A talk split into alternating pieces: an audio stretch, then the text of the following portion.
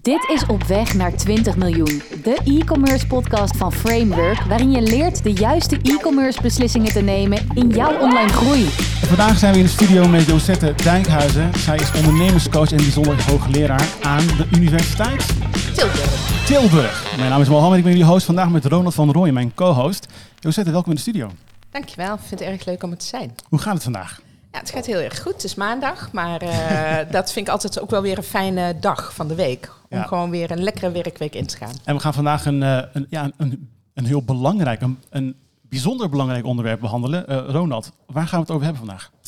Nou, we wilden het vandaag eens gaan hebben over eh, duurzaamheid en eh, de duurzame inzetbaarheid van eh, de ondernemer eh, binnen zijn onderneming. Ehm, ik denk dat dat eh, op dit moment een behoorlijk ondergeschoven kindje is. En ja, duurzaam ondernemen kun je ook, denk ik, ook alleen maar als je zelf als ondernemer vitaal bent, eh, lekker in je vel zit. Dus ik denk dat het leuk is om daar vandaag met eh Josette eens eh, van gedachten te We wisselen. hebben het vaak gehad over inderdaad de duurzaamheid van, van pakketjes, van de last mile, van, van producten. Maar dit keer gaan we het hebben over de ondernemer. Ja, De onderneming. Ja, ja. Misschien een introductie vanuit jou, Josette. Ehm, wat heb jij hiermee te maken? Waar ben je nu mee bezig? Welke rollen vervul je? Kun je dat eens toelichten? Ja, nou ja, zoals je zelf al zei, ik ben ondernemerscoach al heel lang. Hè, een netwerk ook in Nederland. En wat je ziet is dat er heel veel aandacht is voor duurzame inzetbaarheid van medewerkers. Ontzettend belangrijk, maar die ondernemer blijft een beetje langs de zijlijn staan. En uiteindelijk, die onderneming kan niet verder als die ondernemer niet duurzaam inzetbaar blijft. Dus ik vind dat al jaren een heel belangrijk thema. En ik ben ook heel blij dat daar sinds 1 mei mijn leerstoel ook over gaat eh, in, bij Tilburg Universiteit. Dus die gaat specifiek over duurzame inzetbaarheid van ondernemers. En daarmee ook de onderneming. Want voor mij is die ondernemer belangrijk om uiteindelijk die onderneming natuurlijk ook duurzaam inzetbaar te houden. Ik denk dat we vaak cijfers tegenkomen over arbeidsongeschiktheid van, van, eh, van werknemers. Kun je ons een beeld geven, misschien Ronald, jij ook? Wat, hoe staat het ervoor met die vitaliteit van de ondernemer? Ja, nou, dat, eh, daar, daar komen we al op een eh, belangrijk aspect van, van dat thema. Omdat je gewoon ziet dat ondernemers heel lang door blijven gaan. Eigenlijk als het niet meer gaat. Of vanwege de bedrijfsresultaten niet meer gaat, of vanwege de vitaliteit niet meer gaat. Ze gaan heel ver door. En als ze dan uitvallen, vallen ze ook goed uit. Eh, en van de andere kant zie je dat er natuurlijk weinig ondernemers zijn die echt een arbeidsongeschiktheidsverzekering hebben.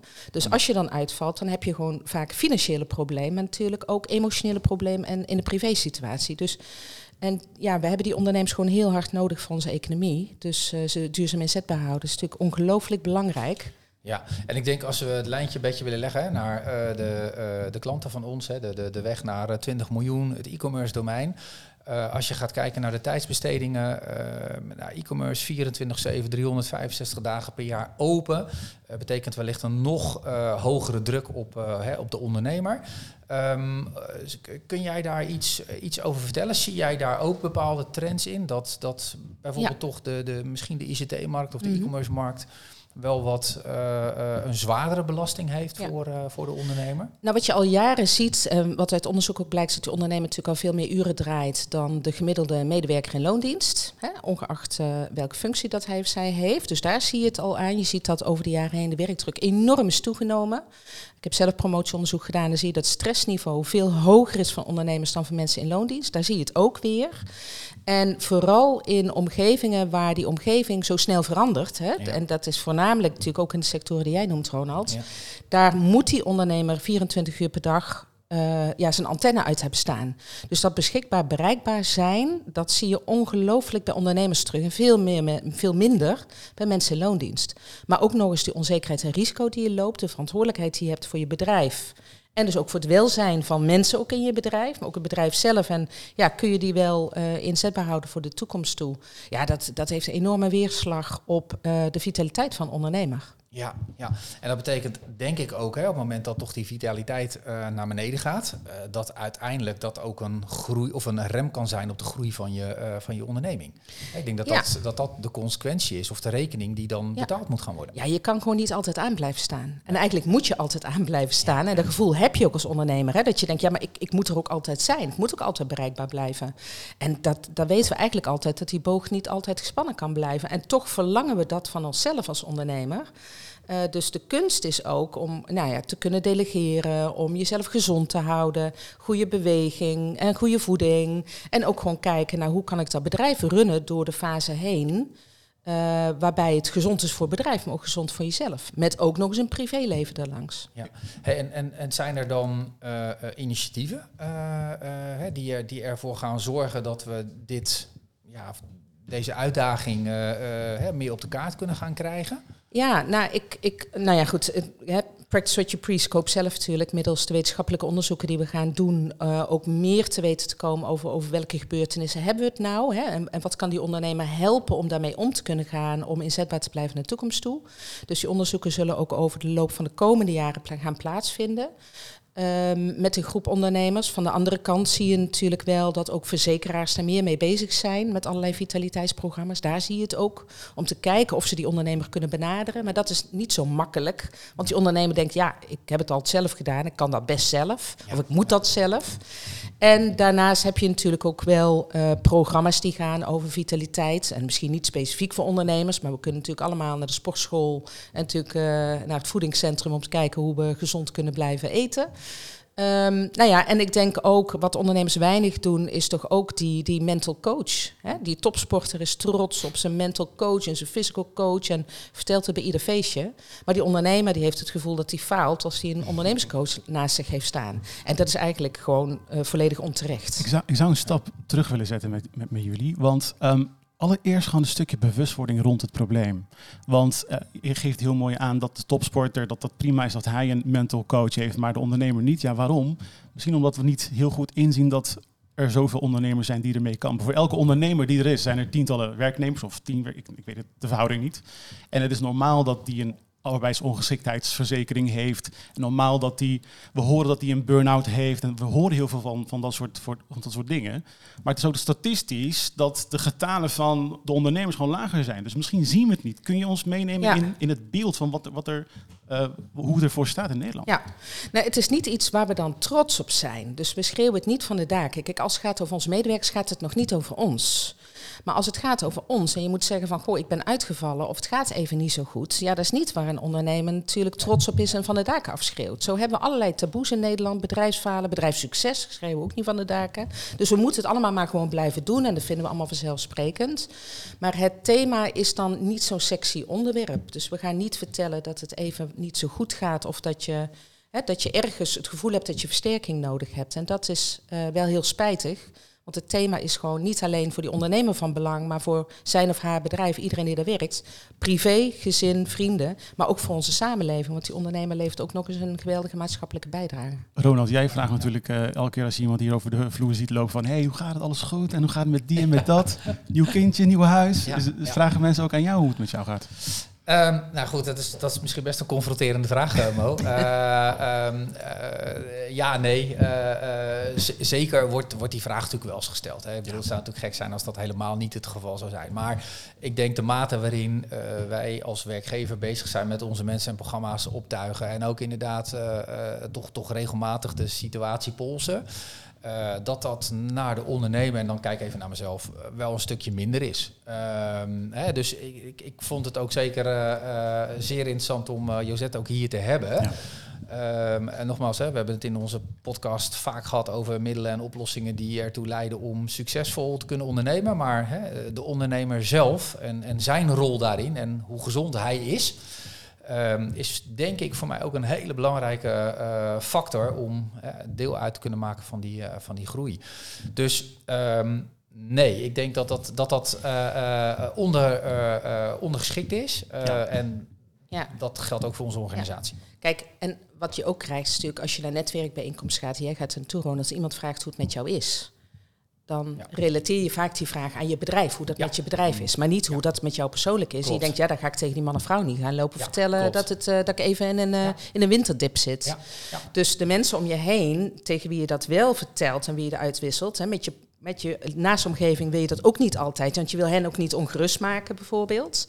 En ja, hebben we allemaal een sparringpartner waar we dat soort dingen mee delen. Nou, ik denk dat, uh, dat we dat nog weinig doen als ondernemers. Ja, en heeft dat dan te maken met uh, wat, je, wat je net zei, de comfortsituatie? Of heeft dat dan misschien mogelijk nog te maken met de arbeidsverhouding die daar, eh, eh, die daar dan ook nog parten speelt. Hè? Nou, Ik ja, zeker denk ik dat hè, binnen de organisatie. Hè, je gaat niet met, met de medewerkers delen over, nou ja, ik heb nou eh, even een mindere, mindere periode. En je, je gaat niet alles daarin blootleggen. Je wil en hen daar niet mee belasten.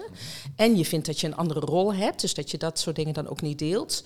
Dus een vertrouwenspersoon, een sparringpartner, bij wie je dat wel kunt neerleggen en bij wie je dat wel kunt delen. Ja, er zijn gewoon relatief weinig ondernemers die dat doen. Ja. Die een mentor of een coach hebben, een ondernemerscoach, die nou ja, zowel persoonlijk als zakelijk kunnen begeleiden. Dat gebeurt gewoon weinig. Die, die sparringspartner, hè, is, dat Ja. is de mentor, de coach? Eh, Dat kan de mentor de coach zijn. Hè. De mentor kan ook iemand zijn die zelf een bedrijf bijvoorbeeld heeft of heeft gehad. En waarvan je denkt van, goh, daar kan ik en zakelijk dingen mee bespreken. Maar die snapt ook wat er ook met jou als ondernemer kan gebeuren. Hè, als er bijvoorbeeld, eh, ik noem maar iets, grote klanten bijkomen of grote klanten weggaan. Dan heeft dat ook een weerslag op jou als ondernemer. Hoe ga je daarmee om? In beide situaties. Ja.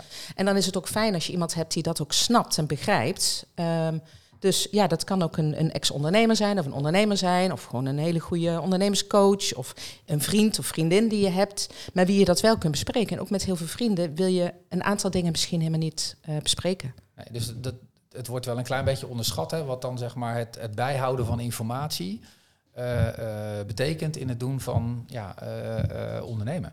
Ja. Hè, dus, dus het, het niet kwijt kunnen van, van die informatie die je eigenlijk wel zou moeten delen, omdat je daarmee meer ruimte krijgt in je hoofd en makkelijker uiteindelijk weer Ja. je beslissingen kunt nemen. Dus Ja, en ook wel dat die ondernemer natuurlijk denkt vaak aan overtuigingen. Ja, ik moet dat toch zelf doen, het is Ja. mijn bedrijf. Of ik Ja. kan het beter zelf doen. Ja, die overtuigingen helpen natuurlijk niet echt in weer stappen vooruit te gaan nemen.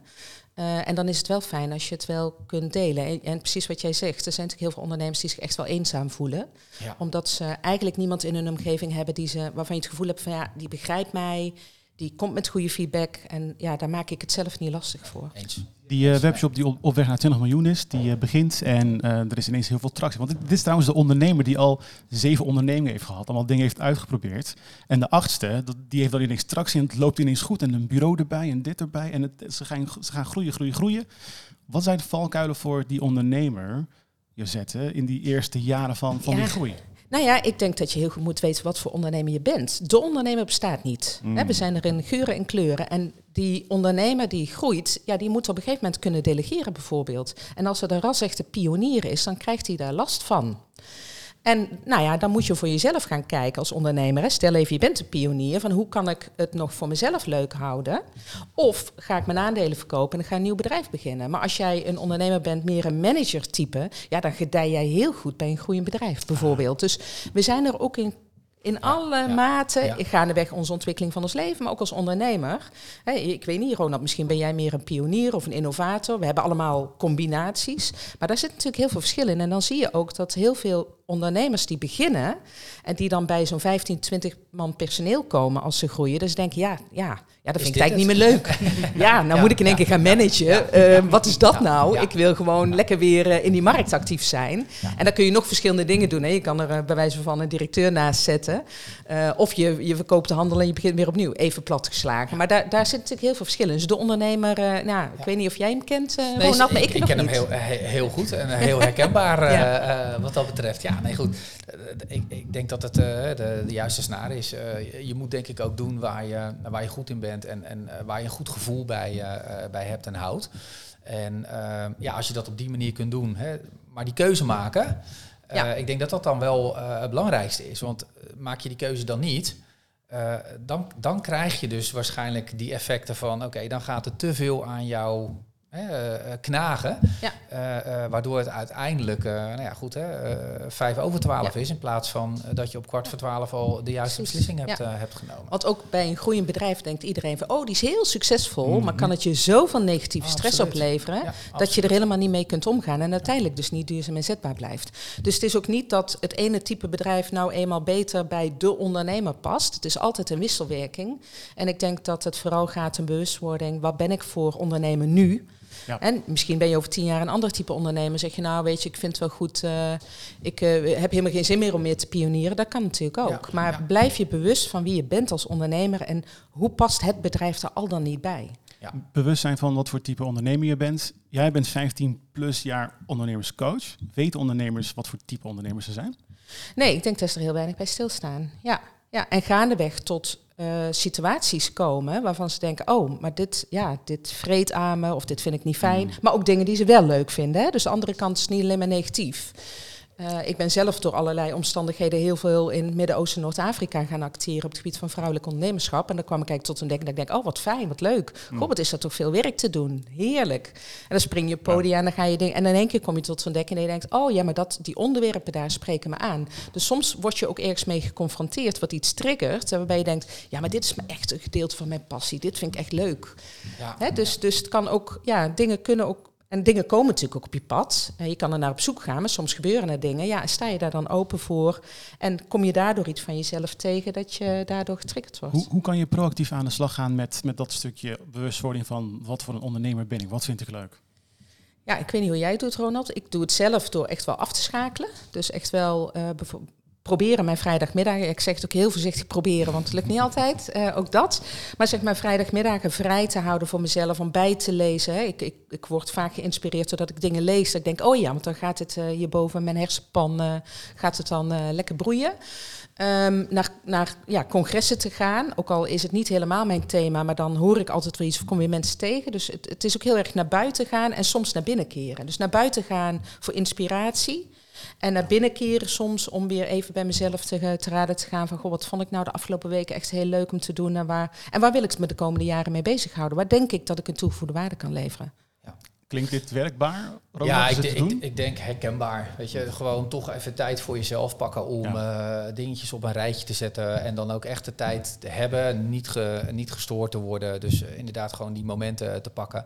Uh, en in mijn geval is dat ook eventjes gewoon een, een sportmomentje, ja. je hoofd leegmaken.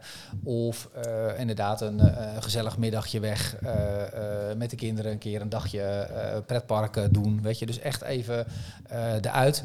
En evengoed ook gewoon met, met mensen om je heen, uh, uh, ondernemers, uh, gewoon eens lekker een hapje eten s'avonds.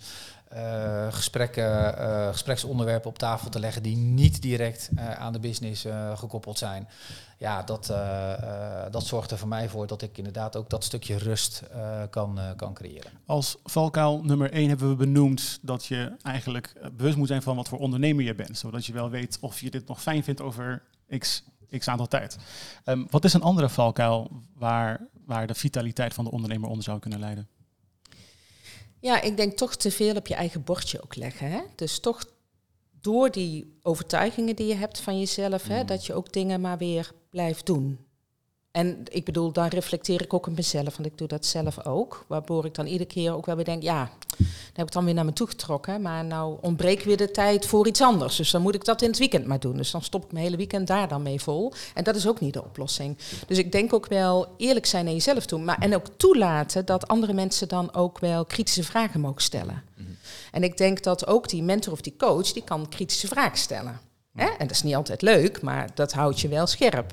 Dus verzamel ook, en ik, ik, ik bedoel, ik heb heel veel ondernemers ook mogen interviewen. En wat ze eigenlijk allemaal zeiden, is verzamel ook de beste mensen om je heen. Hè, dus, want je kunt gewoon niet alles heel goed. Dus leer dan van hen. Durf ze ook om je heen te verzamelen. Ik denk dat dat ook nog wel een mooie is. Ja, sterker nog, ik denk als je dat op een goede manier doet, dat, dat je uh, dan ook grotere sprongen voorwaarts kunt maken. Want uh, uiteindelijk kun je wel denken en vinden dat je zelf de beste bent. Uh, en dat is op zich misschien een prima eigenschap. Uh, en zeker ook denk ik een bepaalde fase van het ondernemerschap. Maar er zijn ook momenten waarop je, denk ik, uh, ja, mensen in je onderneming op zitten die het veel beter kunnen dan jij. En, ja, weet je, en dat is ook in iedere fase wel weer zijn dat mogelijk weer andere mensen. Absoluut, dus, ja, absoluut. Ja. en, en, faciliteer dan. En dan zal je ook zien dat dat, dat, dat een, een, een grotere groei gaat, gaat realiseren. Naar, op weg naar 20 miljoen.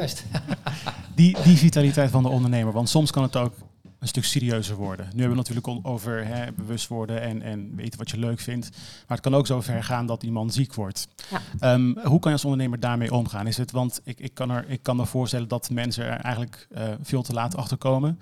Um, wat is de situatie nu en hoe zou het beter moeten zijn? Ja, ik, ook daarin geldt wel dat ondernemers laat aan de bel trekken. Um, met het bedrijf, hè, dus van goed, het gaat allemaal nog best wel. Ik mhm. ga nog wel door. Ik heb wel last van mijn rug, maar hè, misschien is volgende week wel minder. Of de week daarna. Hè, dus wel een stukje struisvogelpolitiek, toch wel je, je kop een beetje in het zand steken, want je wil het ook niet meteen aan toegeven. En en heel veel ondernemers hebben helemaal geen arbeidsongeschiktheidsverzekering. Dus ook financieel uh, heb je dan ook minder de mogelijkheid om te zeggen, ja, dan ga ik er even een tijdje tussenuit, in plaats van dat je loondienst werkt en dan verzekerd bent. Dus daar zit echt nog wel een heel groot stuk. Dus um, ik denk wel dat het belangrijk is om er ook, in ieder geval ook daarin de bewustwording en de informatie aan ondernemers te geven, wat daar de consequentie van is. Waarom hebben ze geen arbeidsongeschiktheidsverzekering?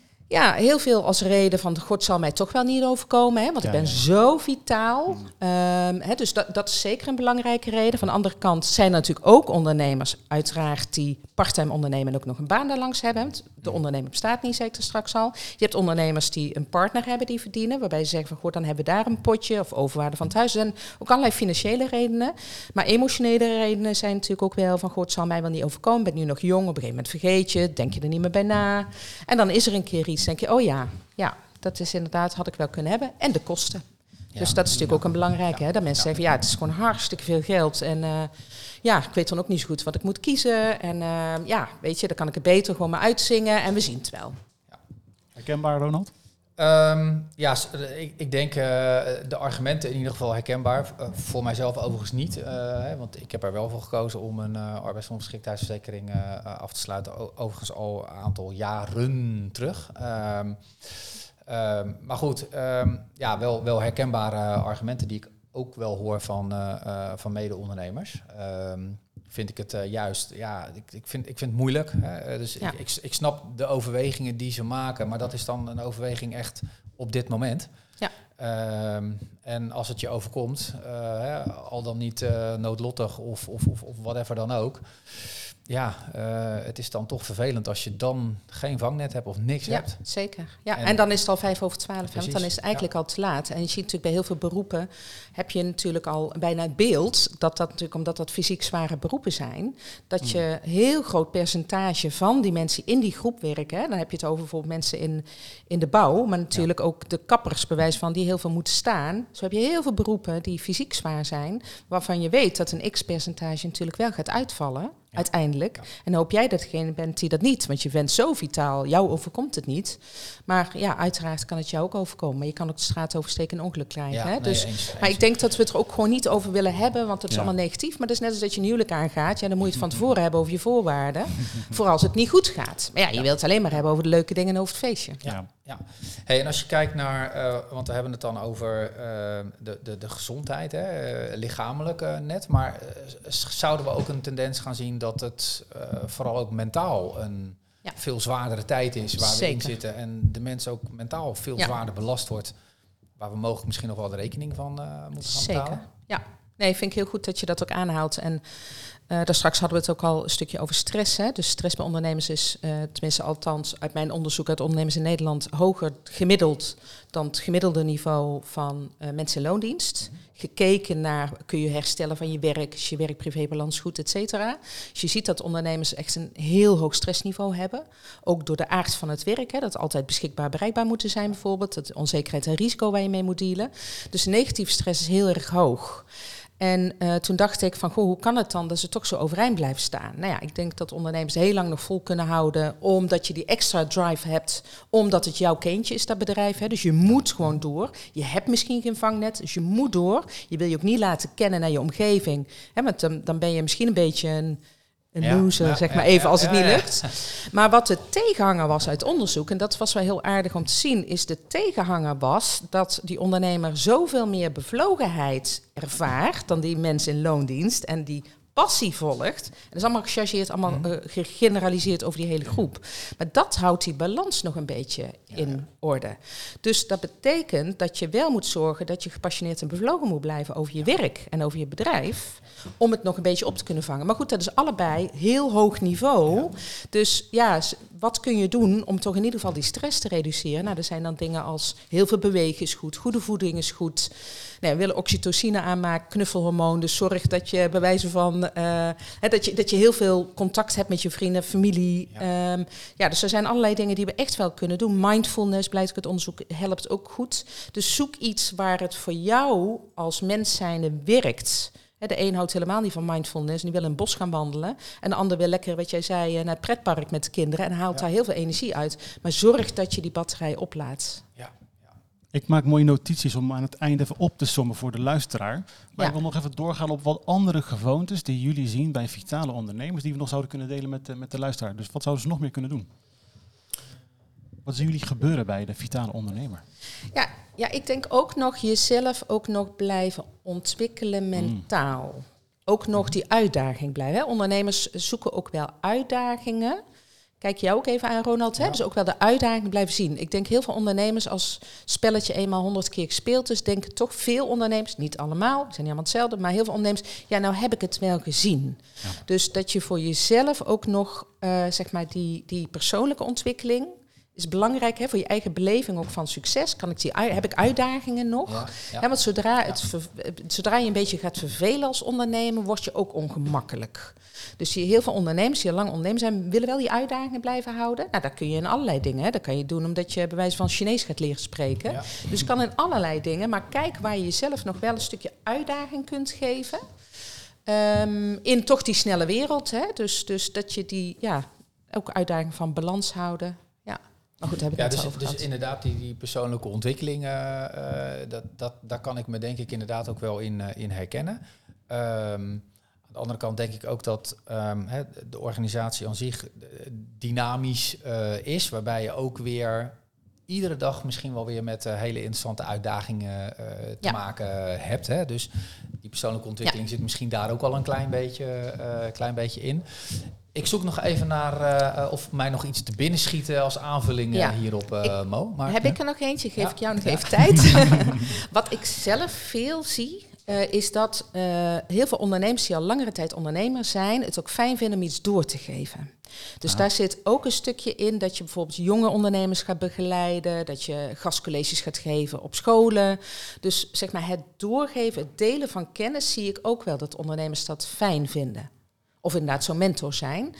Ehm, hè, dus dus Ja, dat, nee, je, dat het- dat het Ja. dan Ja. een stukje doorgaat. Of dat je daar een stukje in kunt delen. Herken je dat? Ja, ervaring Of- delen, ja, absoluut. Ja, absoluut. Eh, ehm, eh, startende eh, ondernemers of ondernemers die in dezelfde groeifase zitten als jij, klankborden met elkaar, ehm oopkaart spelen, gevoel. Ja, ik, zeker. Ik denk dat dat een hele, eh, een hele goede, hele goede. Als ik het mag opzommen, één, vind een mentor, vind een sparringspartner. Twee, eh, maak tijd voor jezelf. Ook belangrijk, op die vrijdagmiddag. Probeer tijd te maken voor jezelf. Denk aan die arbeidsongeschiktheidsverzekering, dat is ook een belangrijke. Neem niet te veel op je bord, dat is een uitdaging. Beweging, voeding, eh, sociale activiteiten, allemaal belangrijk. Mindfulness, jezelf blijven uitdagen. En misschien ook nog eens het stukje doorgeven, kennis doorgeven middels hoorcolleges, middels mentoring. Dit soort zaken, deze zaken kunnen je helpen om vitaal te blijven als ondernemer. Akkoord? Mooi Ik samengevat. eh, vind het heel Ja. mooi, dankjewel. Dan eh, was dat de podcast. Dit was Op weg naar 20 miljoen. De podcast die je helpt betere beslissingen te nemen in jouw online groei. Ga voor meer afleveringen naar je favoriete podcast-app. En vergeet je niet te abonneren.